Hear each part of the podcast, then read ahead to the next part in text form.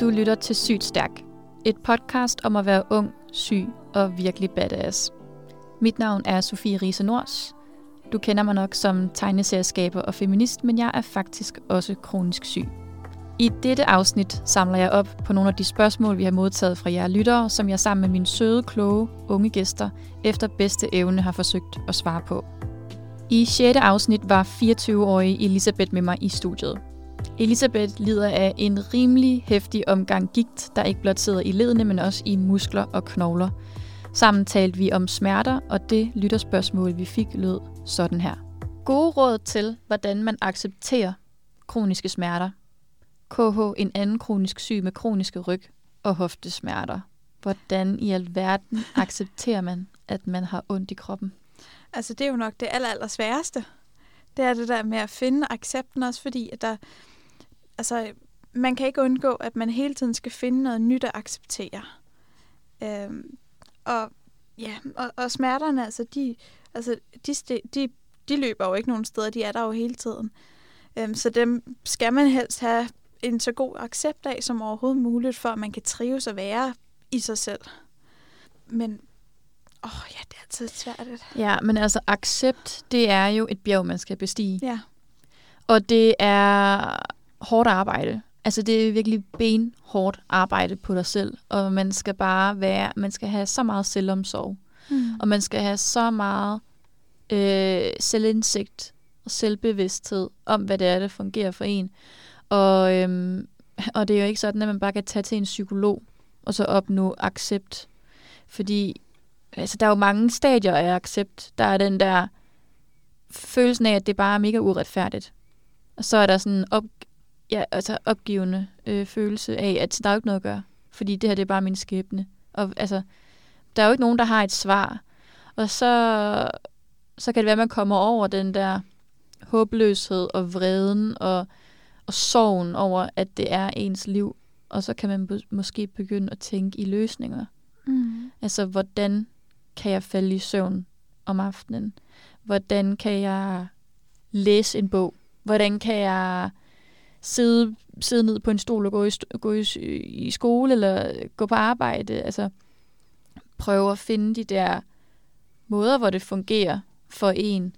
Og så måske, når man har fundet noget, der fungerer for en, så kan man acceptere det. Mm. Fordi så har man en eller anden formel. Men igen, der er jo ikke nogen, der ved, hvordan det virker for lige præcis dig. Altså noget, der virker for mig, det er, at jeg, jeg tager for det første smertestillende. Og jeg er jo kæmpe cheerleader for smertestillende. Altså jeg synes virkelig, at det, det skal prøves. Og hvis det fungerer en, så skal man ikke være bleg for at tage det. Mhm. Altså livet er virkelig for kort til at gå og være for stolt til at tage smertestillende medicin. Øh, det kan virkelig være en game changer. Øhm, og det er jo, så kommer selvfølgelig også med en pris, fordi at det ofte er, det kan være, det er morfin, det kan være, det er gabapentin, det kan være, det er noget, der, der gør dig omtoget, men ikke desto mindre, så øh, jeg er i hvert fald et levende bevis på, at man kan stadig godt sidde og optage podcast mm. i dag, selvom jeg er på både gaba- gabapentin og oxycodon. Og så inden jeg skal sove, der tager jeg lige 3-4 dråber CBD-olie, og jeg veksler lidt mellem at være på 10% CBD, 20% CBD. Men CBD, det er the shit. Det er det virkelig. Jeg plejer at vågne sådan 4-5 gange om natten, men når jeg tager CBD-olie, så vågner jeg måske kun en, en eller to gange. Så hvis man har kroniske smerter, så kan jeg virkelig også godt anbefale det. Men det har jeg faktisk aldrig prøvet. Oh my god. Det har jeg faktisk Det- ikke. Du skal løbe ud i butikken i dag og købe CBD-olie. Ja. Det er lovligt. Det er lidt dyrt, men det er seriøst alle pengene værd. Og hvis der er nogen, der sidder derude og tror, at CBD det er joints eller weed eller noget af det, der bliver sendt, solgt på, på Pusher Street på Christiania, så er det altså cannabis uden THC i. Så det er ikke noget, man bliver skæv af. Det er et andet aktivt stof, som hedder CBD, som er i cannabis, som får de muskler til at slappe af, og, øh, og du bliver bare afslappet af det. Og jeg kan sige som en person, der har prøvet at ryge weed, og slet ikke brød mig om det. Jeg hader det. Jeg bliver rigtig, rigtig dårligt påvirket af det, så er det mega lækkert for mig at tage CBD, så det er ikke noget, man skal være bange for. Du bliver ikke skør i hovedet af det, eller føler, at du mister kontrollen. Det er en afslappende, blød, behagelig fornemmelse. Har du andre sådan har du andre gode tips og tricks til, hvordan man kan... Altså, fordi man skal jo først kunne være i sin egen krop, før Ja. man kan acceptere det. Altså, jamen ja, altså nu, den, den måde, jeg håndterer, også når der er noget nyt, jeg skal acceptere. Øh, jeg ved ikke, om det vil fungere for dig, men øh, det jeg gør, det er meget, jeg, jeg stiller det op og, og la- nærmest laver det som sådan en, stiller det op lidt ligesom en sag, hvis man kan sige det. Øh, hvor jeg for eksempel siger, er det, er det noget, øh, er det noget, jeg kan ændre på? Nej, jeg kan ikke ændre på smerterne, fordi de er der alligevel. Okay. Og så, så, så må man ligesom lægge den til side, fordi jeg kan ikke rykke på noget der. Jeg kan ikke gøre det bedre. Så hvis jeg bruger en hel masse energi øhm, på at prøve at flytte på noget, som ikke kan flyttes, så er det jo spildt energi. Øhm, så i stedet for, så tænker jeg, okay, men er der så noget andet, jeg kan gøre? Og det er lige der også det, du siger der. Hvad kan jeg gøre, som enten, enten er rart for mig selv, eller noget, som vil hjælpe, og så bare prøve sig frem. Og så prøv alt, hvad man overhovedet kan. Og så øh, lad være med at, og når man har prøvet det en eller to gange, at sige, ej, det kan jeg ikke, det her, det virker ikke for mig. Fordi det virker ikke for en de første 100 gange, man gør det. Fordi man skal lære det, og det er pissesvært, fordi de der smerter, der, de fylder så meget, og så er det endnu sværere at, at ligesom kunne være i det. Også fordi det er jo et lidt ømt punkt. Øhm, så det der med at blive ved, og så prøve at finde, prøv, prøv dig frem. Ja, og så tænker jeg faktisk også, at man skal virkelig at være tro mod sig selv. Ja. Altså, fordi alle ved, hvordan det er, at noget gør ondt. Ja, Mm. altså at man kan slå lille tåen, når man går ind i dørkarmen, eller man kan få sidestik, eller man kan få hovedpine. Øhm, så hvis du øh, i en samtale med nogen prøver at forklare, jamen, jeg har ondt i ryggen, eller jeg har ondt i, i, i mine hofter, og folk de så sådan, jamen, så slemt kan det ikke være, eller de prøver sådan at, at, at spejle, så bare husk på, at det er ikke det samme. At det er en anden kronisk tilstand, du, altså af smerter, du er i. Altså uanset hvor meget folk de prøver at relatere, så, øh, så må du gerne insistere på, at det er anderledes for dig. Øhm, så du ikke hele tiden går og føler dig forkert. Fordi at, at andre tror, at jamen, det går jo bare væk igen. Sådan lød det altså, da Elisabeth gæstede mig her i studiet. I femte afsnit, der havde jeg hele to gæster i studiet. Nemlig 19-årige Tobias og 22-årige Nikolaj. Tobias fik som 7-årig en godartet hjernetumor, og Nikolaj fik leukemi, da han gik i 9. klasse. Episoden den handlede om det før og det efter, der eksisterer, når man bliver ramt af en sygdom. Og sammen så talte vi om en lytters udfordringer ved at opretholde sin identitet efter kræften ramte. Ja, jeg tænker, jeg ved ikke, om det er så meget nogle, et spørgsmål, jeg har eller noget, men jeg tænker bestemt det der med sorgen over både sygdommen, sygdom, men også ja, alt det, man kunne før, som man ikke kan mere. For eksempel, jeg, og jeg cyklede sindssygt meget før og havde det var en kæmpe stor del af min identitet og min omgangskreds, og der var rigtig meget i mit liv, der ligesom cirklede omkring det. Og det kan jeg bare, altså jeg kan godt cykle og sådan, men jeg kan ikke, jeg kan ikke gøre det som en hobby længere, for eksempel. Øh, og det, ja, det, der har jeg været, det kæmper jeg stadigvæk med, altså. Øh, Ja, det var altså lytterens problemstilling. Altså, hvordan håndterer man den her sorg over, at livet ændrer sig, og at der er nogle ting, man bare ikke kan længere, som man kunne før? snakker ja. med andre omkring det. Og, altså, der synes jeg jo, sygt stærk er helt fantastisk til at skabe sådan et trygt rum, hvor man kan det. Det føler jeg sådan, eller ja, erfaringsudveksle med andre i en sådan lignende situation. Hvad så, hvis Ja. man ikke har andre i lignende situation? Ja, Ja, altså man vil jo... Man kan jo godt prøve at opsøge et, et fællesskab med andre, som har stået i en lignende situation, selvom at det måske ikke altid lige er oplagt. Men det kan give sindssygt meget at have andre at spejle sig i, Ja. går og kæmper med det samme som dig. Um, Eller noget helt andet, men ligesom har nogle af de samme problematikker. mm, Så I tænker, at altså, for, for ham her, der var cykling for eksempel en virkelig, virkelig stor del af hans liv og en stor del af hans identitet. Og efter han blev syg, så var det ikke noget, han kunne dyrke på samme måde. Så I foreslår, at han ligesom finder øh, et nyt fællesskab og erstatter cykling Mm. med. Mm, altså, der er jo, som det lyder her på, på dilemmaet eller situationen, så er det sådan, altså, så er det ikke sådan, lyder det ikke som om, at det er realistisk, at cykling nok nogensinde kommer tilbage, eller i hvert fald kommer det til at gå lang tid, før det kommer tilbage. Um, Men det er nok den sværeste sådan, proces eller fase at være i, det der med at acceptere. Og så måske, nu ved jeg ikke lige, altså, hvad han, hvordan hans situation er. Han, øh, han har kræft og er i kemoterapi. Okay.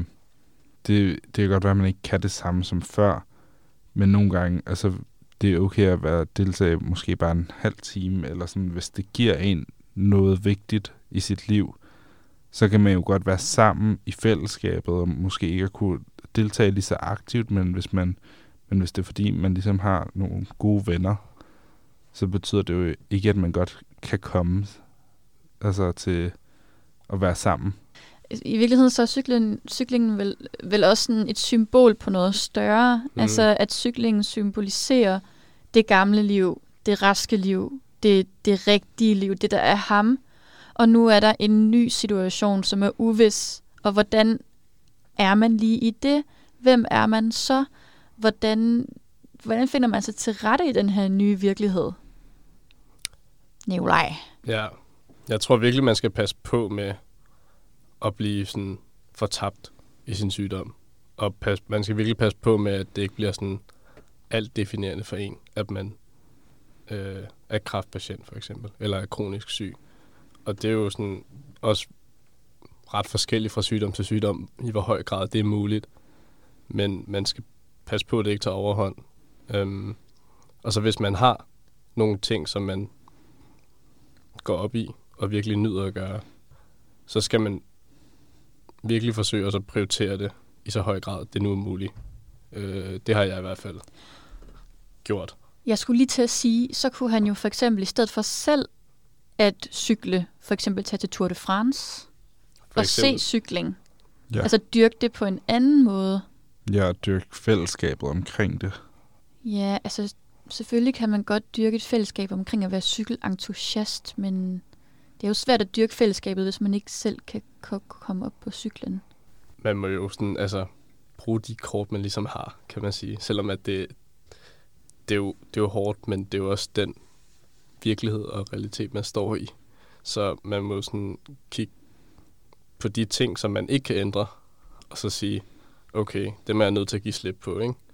Og så de ting, man kan gøre noget ved, kan man så virkelig kæmpe for at gøre noget ved.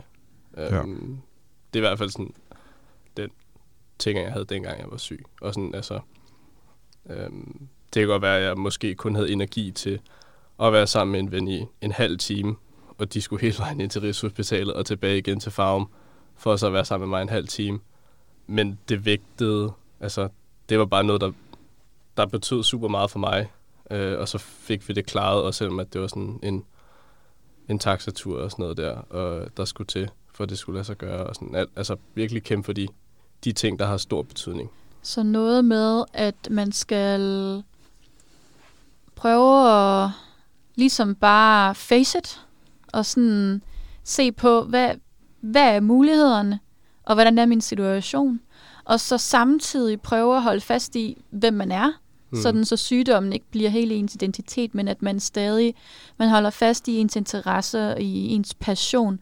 Og så tænker jeg måske også, det er noget, ja, som du siger, det der med at prioritere, Ja. at han kan nok ikke tage ud og køre mountainbike hver dag, selvom det bare søler ned, og det er dårligt vejr, eller han kan cykle 50 km en søndag eftermiddag, men at han så måske tager på cyklen en dag, hvor det bare er solskinsvejr, ja. Ja, og så har han en god oplevelse med det. og der er ingen grund til at gøre det til en god oplevelse, så der- der er ingen grund til at presse sig selv for hårdt, og så få en stor regning bagefter. Altså, hvis det giver mening. Ja, ej, prøv lige at Ja. uddybe det. Altså det der med, altså siger du, at der er ikke nogen, der skal ikke være et pres på, at det skal være en god oplevelse. Ja. Er det det, du siger? Ja. Prøv lige at uddybe det. Jamen, altså, lidt det omvendte, gør det til en god oplevelse, i stedet for at tænke sådan, man kan godt komme til, tror jeg, og tænke, om før der kunne jeg meget mere, og nu er jeg helt flad, og det er egentlig, og det bliver til en, hvad kan man sige, en dårlig oplevelse, fordi man kommer til at presse sig selv for hårdt, og så kommer der en regning bagefter. Så, og så, så hele, så, så kan det bare, så kommer man måske aldrig til at gøre det igen, hvis det er ligesom den oplevelse, man har. Jeg har ikke specielt meget energi, så nogle gange så er målet bare, altså for eksempel at skulle komme over i træningscenter, gå i bad og gå i sauna. Altså, så vil det stadig være en succes.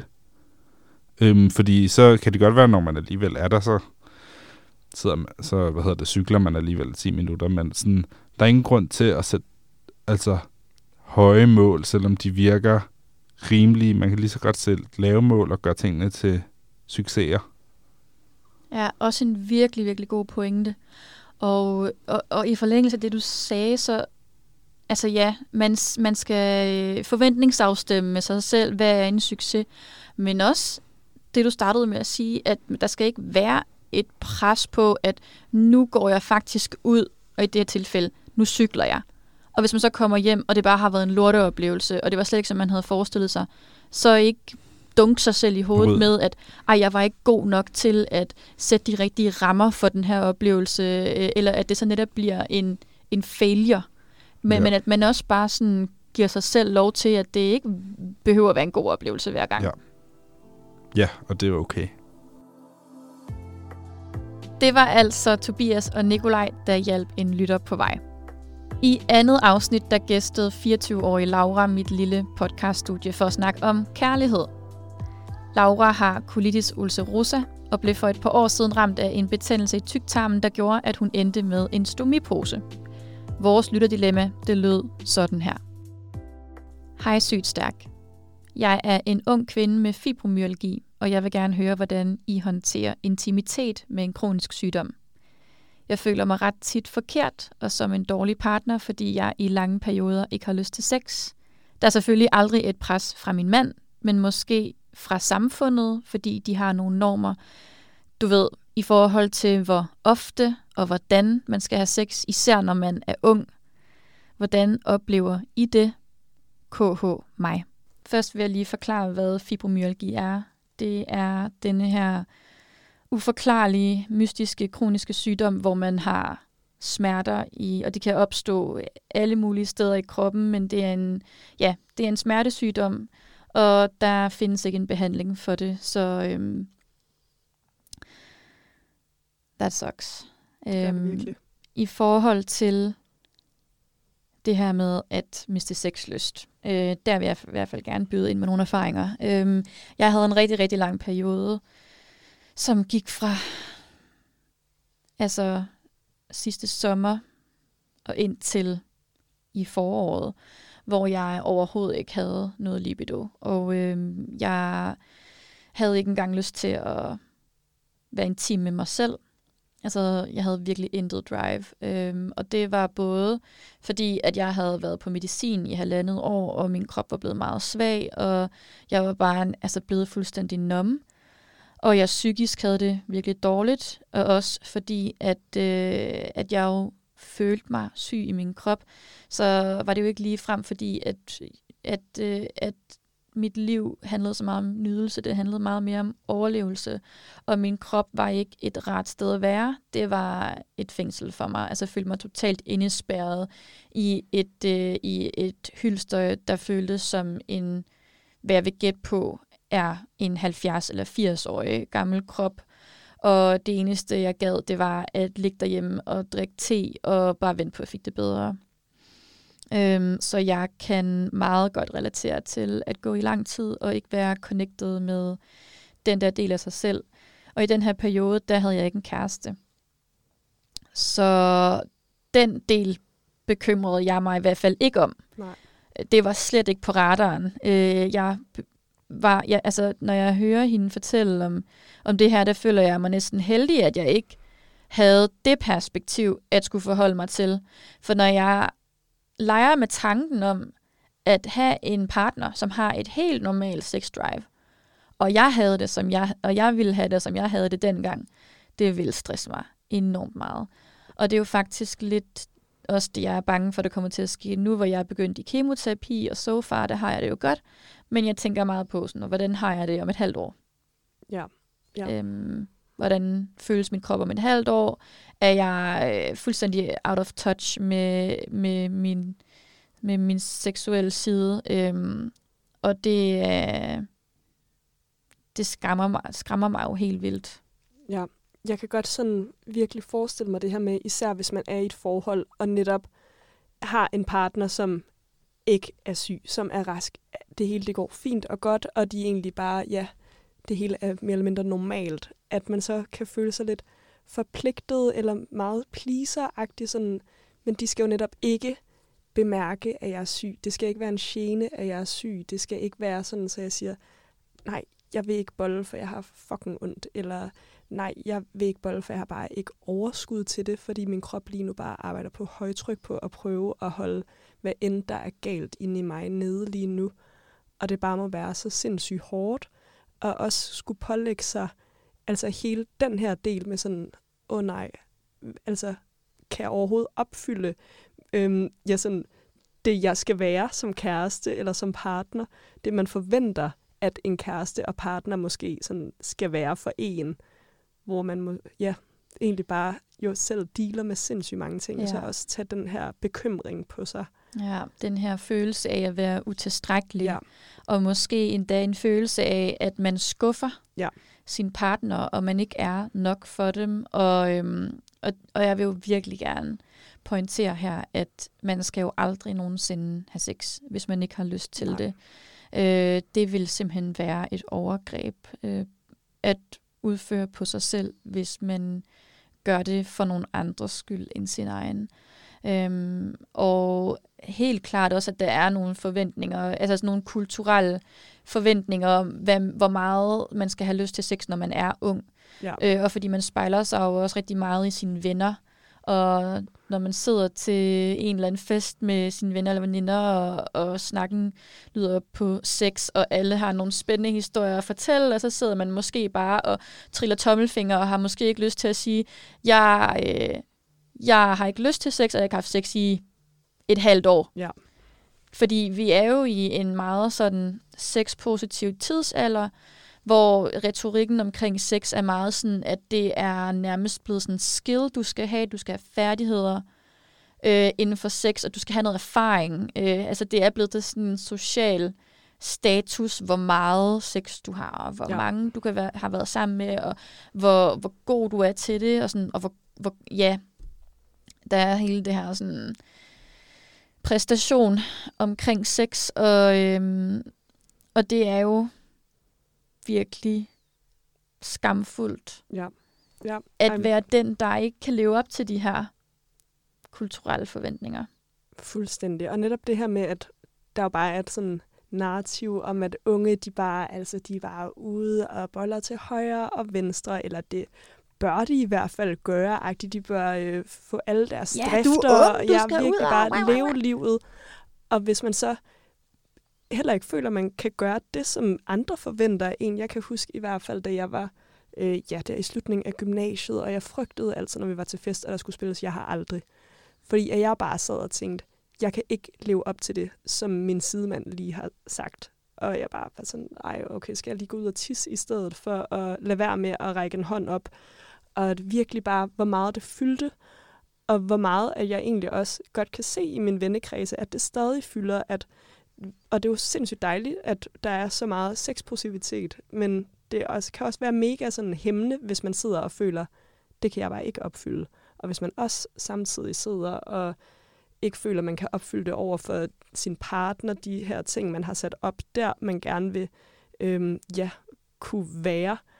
Og så både skulle føle, at, øh, at man ikke er tilstrækkelig, hverken for samfundet eller for en relation, og at man så overhovedet sådan rigtig ung? Er man overhovedet rigtig, øh, ja, en rigtig kæreste? Og lever man overhovedet sådan, som man bør gøre som et ungt menneske i øh, 2023?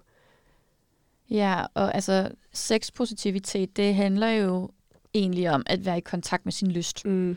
Så det handler jo både om at kunne åne, at sige, at jeg har lyst, men det handler lige så meget om at own, at man ikke har lyst. Ja. Så øh, til denne her person vil jeg bare sige, at øh, du skal samle al din styrke og simpelthen bare own, at du ikke har lyst. Og så øh, det, det, som jo så er lidt ude af din kontrol, det er jo så, hvordan din kæreste, din mand har det med det. Øh, fordi det kræver jo også, at, øh, at han møder dig der, hvor du er, og griber dig, og ikke får dig til at føle dig forkert. Ja. Øhm, så måske øh, Ja, snak, altså, tage snakken, men det lyder jo som om, ja. at, at hun lidt har gjort det før. Øh, I hvert fald det her med, at, at hun siger, at, øh, at hendes mand jo er mega god og støttende. Og så måske jeg bare holde ved det og vide, at det er han. Og så hvis man har brug for en bekræftelse i det, så sige, jeg er faktisk stadig lidt nervøs for det her. Jeg går, det er stadig noget, der fylder meget, jeg tænker på, og kan vi, kan vi tage en snak om det igen? For nogle gange så har man bare brug for lige at blive, øh, ja, altså få det genopfrisket, at det er okay, at man er, som man er, og at det heller ikke er alt, man selv kan styre, og man bare har brug for, at, at den her anden part ligesom lægger hånden på ens lår og siger, du er okay, det er fandme også okay, at du har det på den her måde. Og det var altså Laura og jeg, der legede kroniske kærlighedsguruer. Der er ingen, der sagde, at det ville være nemt at hjælpe jer lyttere med de kronikerproblemer, I går og bakser med. Det er hårdt, men det skal sgu være hårdt, som Jakob Kjeldberg ville sige. Og hvis man ikke har set Robinson, så undskylder jeg for den reference. Jeg siger det bare, fordi livet aldrig har været nemt. Men for at blive i spilanalogien, for nogle af os så stiger sværhedsgraden i spillet bare lidt hurtigere i de lave levels, end hos så mange andre. Og det gør jeg bare sygt stærke. Du kan følge mig på Instagram på Sofie Risa Nors. Er du en ung kroniker mellem 12 og 24 år, der savner et ungefællesskab, så bliv en del af Sygt Stærk. Her kan du møde andre unge kronikere til sociale arrangementer, tage på sommerhusture og få et community med ligesindede, og det er helt gratis. Du har lyttet til Sygt Stærk. Tak for i dag. Vi lyttes ved.